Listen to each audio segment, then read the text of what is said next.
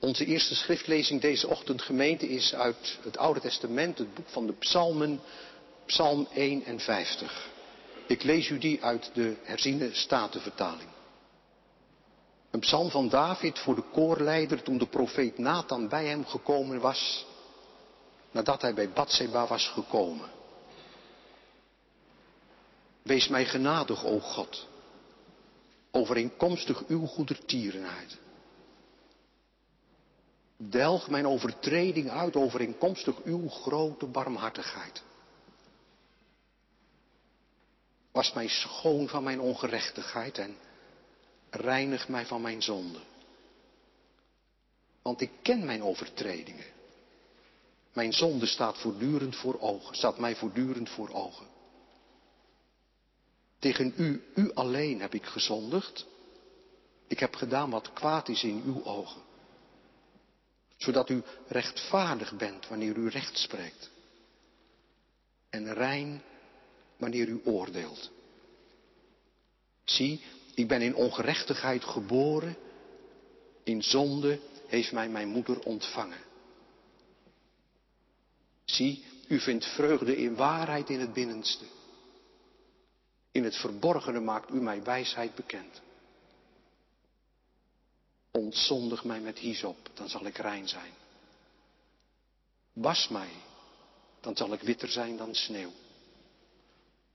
Doe mij vreugde en blijdschap horen. Laat de beenderen zich verheugen die u verbrijzeld hebt. Verberg uw aangezicht voor mijn zonden. Delg al mijn ongerechtigheden uit. Schep mij een rein hart, o God. En vernieuw in mijn binnenste een standvastige geest. Verwerp mij niet van voor uw aangezicht en neem uw heilige geest niet van mij weg. Geef mij de vreugde over uw heil terug. Ondersteun mij met een geest van vrijmoedigheid. Dan zal ik overtreders uw wegen leren. En zondaren zullen zich tot u bekeren. Red mij van bloedschulden, o God, God van mijn heil. Dan zal mijn tong vrolijk zingen van uw gerechtigheid. Heere, open mijn lippen, dan zal mijn mond uw lof verkondigen. Want u vindt geen vreugde in offers, anders zou ik ze u brengen. In brandoffers schept u geen behagen. De offers voor God zijn een gebroken geest. Een verbrijzeld en verslagen hart zult u, o God, niet verachten. Doe goed aan Sion, naar uw welbehagen. Bouw de muren van Jeruzalem op, dan zult u vreugde vinden in offers van gerechtigheid.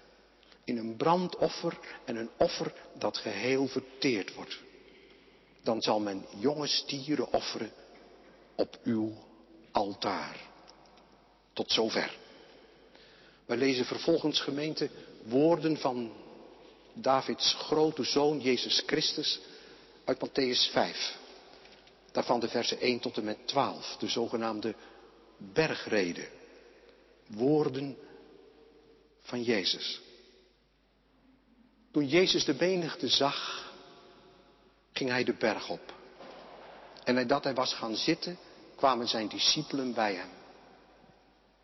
En hij opende zijn mond en onderwees hen en hij zei, Zalig zijn de armen van geest, want van hen is het koninkrijk der hemelen. Zalig zijn zij die treuren, want zij zullen vertroost worden. Zalig zijn de zachtmoedigen, want zij zullen de aarde beërven. Zalig zijn zij die hongeren en dorsten naar de gerechtigheid, want zij zullen verzadigd worden. Zalig zijn de barmhartigen, want aan hen zal barmhartigheid bewezen worden.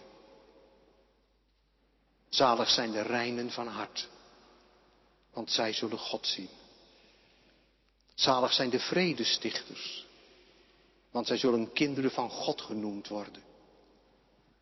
Zalig zijn zij die vervolgd worden om der gerechtigheid, want van hen is het koninkrijk der hemelen. Zalig bent u als men u smaadt en vervolgt en door te liegen allerlei kwaad tegen u spreekt ter wille van mij. Verblijd en verheugt u, want uw loon is groot in de hemelen. Want, ze hebben de, want zo hebben ze de profeten vervolgd, die er voor u zijn geweest. Tot zover. De tekstgemeente voor deze tweede zondag na Pinksteren vindt u in Psalm 51. Daarvan de versen 12 en 13. Waar David bidt. En wij bidden met hem mee. Schep mij een rein hart, o God. En vernieuw in mijn binnenste een standvastige geest. Verwerp mij niet van voor uw aangezicht. En neem uw heilige geest niet van mij weg. Tot zover de tekst voor deze ochtend. Gemeente van Christus. Omstreeks 1650, dus ruim 3,5 eeuw geleden, leefde er in ons land een vluchteling. Filosoof. Die enorme invloed heeft uitgeoefend op het denken van de West-Europese mens. Hij heette René Descartes. En hij was geweldig onder de indruk van het heldere, briljante verstand van de mens. Als de mens zijn verstand goed gebruikt, zei hij, dan kan die alle ellende overwinnen. Hij dacht een beetje in de lijn van, wanneer alle mensen goed onderwijs krijgen, dan kun je op den duur de gevangenissen wel sluiten. Duidelijk is dat Descartes een hele optimistische visie op de mens had. Zijn tijdgenoot, de Franse filosoof en wiskundige Blaise Pascal, was het volstrekt met Descartes oneens. Zeker, de mens beschikt over een geweldig verstand. Als het erop aankomt, zei Pascal, laat de mens zich niet door zijn briljante verstand leiden, maar laat hij zich zomaar door zijn donkere driften en begeerten op sleeptouw nemen. Wanneer Pascal in onze tijd geleefd had, had hij kunnen wijzen bijvoorbeeld op de voormalige Amerikaanse president Bill Clinton. Clinton is intellectueel uitermate begaafd. Is iedereen van overtuigd. Maar hij liet zich zo meeslepen door zijn seksuele begeerte dat hij op een haar na werd afgezet als president. Pascal zei, een mens is een wezen vol tegenstrijdigheden, ambivalenties. En in zijn hoofdwerk, de Pensées, schrijft hij letterlijk dit. Enerzijds is de mens rechter over alle dingen. Aan de andere kant is hij een domme worm. Aan de ene kant is hij heerser over de waarheid. En aan de andere kant een riool van onzekerheid en dwaling. Hij is glorie en uitvaagsel van het heelal. Pascal had een hele negatieve kijk op de mens, om het zo te zeggen. En ik ga vanmorgen aan u niet vragen wie van deze twee heeft nou gelijk. Ik zou vanmorgen die vraag willen voorleggen aan koning David. Een begaafd man. Er is nooit meer iemand geweest, zo'n koning over Israël als hij. En bovendien een man met een rotsvast godsvertrouwen. Denk maar aan het gevecht met, uh, met de reus Goliath. Maar ook een man die teer en zachtmoedig kan zijn. Denk maar aan de manier waarop hij is omgegaan met zijn koning, met zijn koning zijn tegenstander. Toen zijn knechten tegen hem zeiden, nou geeft hij hem in Gods hand. Nu is het moment daar. Deed hij het niet. David zal zich ongetwijfeld hè, aan de kant van Descartes hebben geschaard. Maar als je luistert wat David vanmorgen hier zegt, in Psalm 51, dan valt die Pascal bij. Ondanks zijn grote verstand is David, toen hij Bathsheba eenmaal gezien had, een speelbal geworden van zijn seksuele driften. En heeft zomaar een kind bij haar verwekt. En om zijn foute gedrag nog eens een beetje te verdoezelen, is hij er niet voor teruggeschrokken om opdracht te geven voor de moord op, de, op Uria, de man van Bathsheba. En zo heeft hij zijn gezin en zijn omgeving met een grote puinhoop opgezadeld. En nou is hij door zijn hoeven gezakt. En beleidt hij in Psalm 51 oprecht zijn zonde voor God. En bidt hij ootmoedig om vergeving. Verberg uw aangezicht voor mijn zonde. Delg al mijn overtredingen uit. Pascal heeft gelijk. Wanneer hij over u, jou en mij zegt dat wij innerlijk tegenstrijdig, ambivalent, verward zijn. En wij kunnen zo griezelig dubbel zijn. Ik herinner mij een begrafenis toen ik in Scheveningen was als predikant. Een zachte vrouw. Helemaal stuk vanwege het overlijden van haar vader. Maar een paar weken later stelde diezelfde vrouw zich spijkerhard op. Toen het ging over een barometer als onderdeel van de erfenis. En soms schrik je van jezelf. Gisteren innerlijk kalm. En kon ik echt bidden tot God. En vandaag innerlijk zo onrustig opgejaagd, geblokkeerd in de omgang met God. Gisteren zo nederig.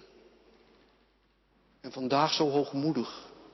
Alsof ik de nederigheid van gisteren vandaag zo nodig moet compenseren. Wie herkent het niet bij zichzelf? Ik ben innerlijk tegenstrijdig en verward. Is daar wat aan te doen? David vindt van wel. Wat dan, David? Jezelf aanpakken, je mouwen opstropen, er tegenaan gaan. In onze tijd gezegd in psychotherapie gaan. David bidt tot zijn schepper. Schep mij een rein hart, o God. En vernieuw in mijn binnenste een vaste geest. En ik zou u willen vragen, gemeente, om vooral dat werkwoord scheppen te onderstrepen vanmorgen. Dat werkwoord herinnert ons aan het allereerste begin. In den beginnen schiep God de hemel en de aarde. De aarde was woest en ledig. En duisternis lag op de vloed. En dan grijpt God radicaal in. Door te zeggen, er zij licht. En er was licht. David bidt hier in deze psalm om datzelfde radicale ingrijpen van God bij de schepping. Met minder kan hij niet toe dan het vernieuwende, scheppende optreden van God. Hij is zichzelf zo tegengekomen en hij is zo door de bocht gegaan dat hij niet genoeg heeft aan wat tegenwoordigheid uithuilen en opnieuw beginnen. Hij is tot de ontdekking gekomen dat uithuilen en opnieuw beginnen absoluut onvoldoende is. Wil het in zijn leven werkelijk tot een nieuw begin komen?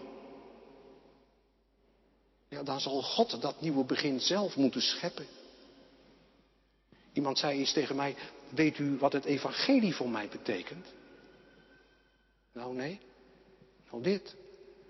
Dat je bij God altijd weer opnieuw mag beginnen. Dat God je altijd weer een nieuwe kans geeft. Hoezeer je het ook verprutst hebt. Dat klinkt heel mooi. Maar met dat evangelie, ik kan David niet meer uit de voeten. Dat is te weinig. Hij is zo gigantisch onderuit gegaan dat hij het nodig heeft dat God zelf vernieuwend ingrijpt en een nieuw begin schept. De evangelie betekent dan ook niet gemeente dat je bij God altijd weer een nieuwe poging mag wagen door je mouwen op te stropen. Evangelie betekent dat ik mijn tegenstrijdige, verwarde hart en mijn wezen dat zo onrustig is, in de machtige, scheppende handen van God mag leggen. En dat ik dan vol vertrouwen mag bidden. Schep gij in mij een rein hart, o God. En vernieuw gij in mij een binnenst, een vaste geest. En vanuit dat vernieuwende ingrijpen van God. Vanuit dat geschenk van Hem. Mag ik een nieuwe start maken. Niet in eigen kracht. Maar vanuit de vernieuwing die God zelf in mijn leven op gang brengt. God schiep in de beginnen, in de chaos en de duisternis, een bewoonbare wereld. Hij schept uit het tegenstrijdige verwarde innerlijk van David een rein hart en een vaste geest. En, en, hoe, en hoe doet God dat dan? Wel, de aarde werd geboren doordat de geest van God broedend boven de wateren zweefde. Doordat hij zo door de geest vernieuwend ingrijpt. Vandaar ook dat David bidt in vers 13. Neem uw heilige geest niet van mij weg. De geest die met Pinksteren werd uitgestort, heeft als specialiteit dat hij mensen die vertrouwensvol bidden, een rein hart en een vaste geest geeft. Met David mogen wij ons naar de geest uitstrekkend, vol vertrouwen verwachten. Dat hij ook daadwerkelijk zal ingrijpen. En dat hij in ons leven, in ons hart, in ons innerlijk een nieuw begin zal scheppen. En wat schept de geest dan? Een rein hart. Wat moeten we daarbij voorstellen? Nou gemeente, in Bijbels taalgebruik is een rein hart een ongedeeld hart. Een hart waarin in principe de dubbelheid is overwonnen. Met als gevolg dat ik door de geest van God God weer mag liefhebben met heel mijn hart. En een vaste geest is een geest die niet meer heen en weer zwalkt, alle kanten op. Maar die houvast heeft gevonden buiten zichzelf. En daarom de vaste koers van Gods geboden gaat. Tref zeker is dat verwoord gemeente. In de bereiding van Psalm 51, vers 5. Een, een versregel die je uit je hoofd mag leren. En waarbij je met je hart mag leven. Schep in mij God een hart. Dat leeft in het licht. Geef mij een vaste geest die diep van binnen, zonder onzekerheid, u blijft beminnen. Ik denk dat ik het wellicht zo het beste kan zeggen. Iemand met een rein hart en een vaste geest heeft houvast gevonden in zichzelf, buiten zichzelf. In Jezus Christus. In zijn kruis en in zijn opstanding en wat hij gedaan heeft ons ten goede. Aan de voet van zijn kruis word ik in de overgave van mijn leven aan hem. Met al mijn innerlijke tegenstrijdigheden aanvaard als kind van God. En in het neerknielen aan de voet van Jezus kruis komt mijn onrustige, verwarde hart eindelijk tot rust. En daar, en ontvang ik als een geschenk een rein hart, een vaste geest, waarachtige vreugde en heerlijk uitzicht op de stralende toekomst van God. Vandaar dat Jezus zelf, zoals we hebben gelezen in Matthäus 5, de reinen van hart te feliciteren noemt. Zij zullen de levende God met eigen ogen aanschouwen. En dat staat ook letterlijk in het laatste hoofdstuk van de Bijbel, Openbaring 22. David verlangt, hè? Vanuit de gebrokenheid van zijn leven naar een nieuw begin. Een rein hart. Een vaste geest. David, waarom verlang jij zo daarnaar? Nou zegt iemand, dat is helder hè. Omdat hij zich natuurlijk mateloos schaamt. En omdat hij wil voorkomen dat hij nog een keer zo gigantisch uit de bocht vliegt. Daarom vraagt hij dat. Nou, ik denk dat dat argument ongetwijfeld meespeelt. Maar als u maar weet dat dat niet de voornaamste reden is waarom David om dit hart en om deze geest vraagt. Lees u eens vers 15. Daar staat dat wanneer hij dat ongedeelde hart en die vaste geest ontvangen zal hebben, dat hij dan de overtreders Gods wegen zal leren, opdat de zondaren zich tot God zullen bekeren. Daarin proef ik het verlangen van David. Iets te mogen betekenen voor de mensen om hem heen. Die de levende God nog niet kennen. En die zijn geboden niet respecteren. Voor mensen die God de rug hebben toegekeerd. En ervoor gekozen hebben hun eigen leven te vullen. En hun eigen leven te leiden. En hun eigen doelen te stellen. David verheft zich niet boven deze mensen. Gaat volkomen naast ze staan. Omdat hij erachter gekomen is. Dat hij in wezen niet beter is dan zij. Hij is net zo'n zondaar als zij. En daarom hoopt hij vanuit de vernieuwing van zijn leven. Dat hij iets voor deze mensen mag betekenen. Ik moet eerlijk zeggen dat ik met, met, met stijgende verbazing eigenlijk naar deze woorden heb zitten kijken.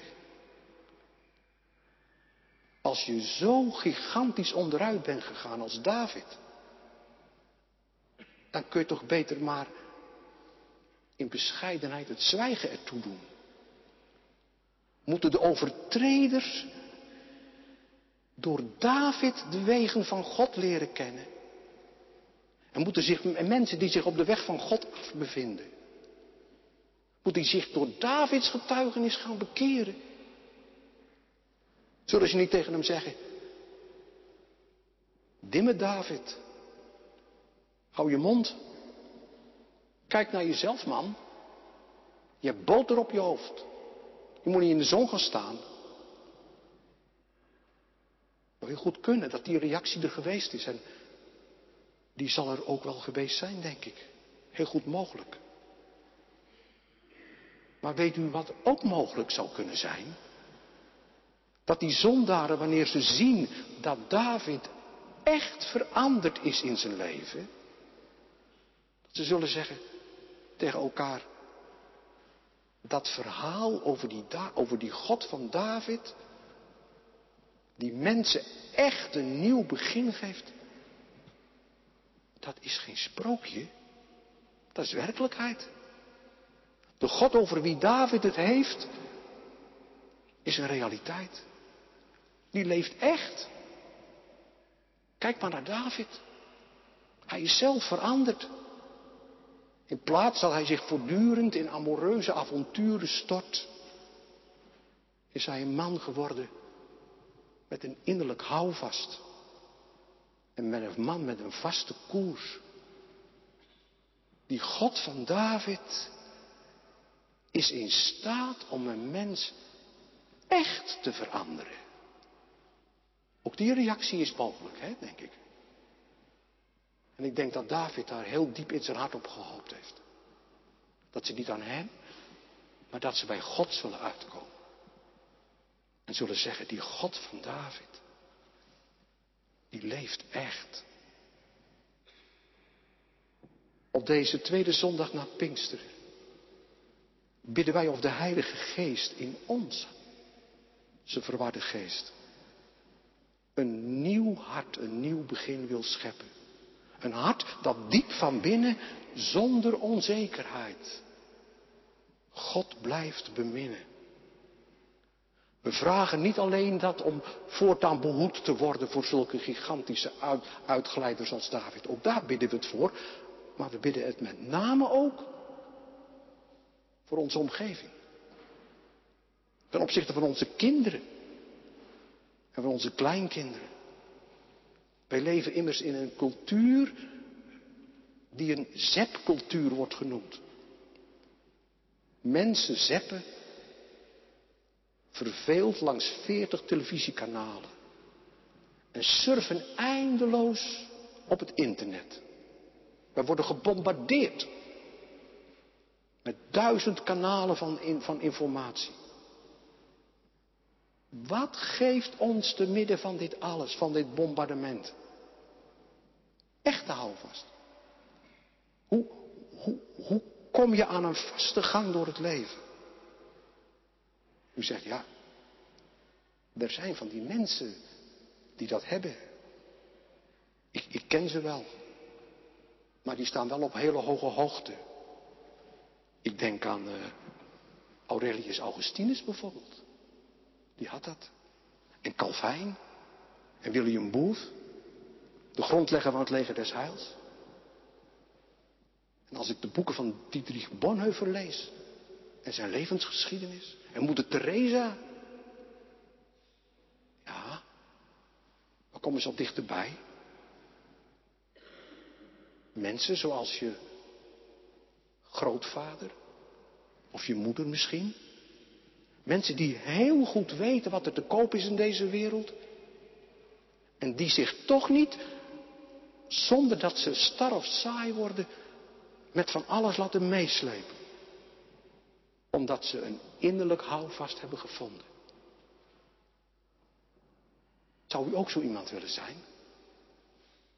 Iemand met een ongedeeld hart. En met een vaste geest.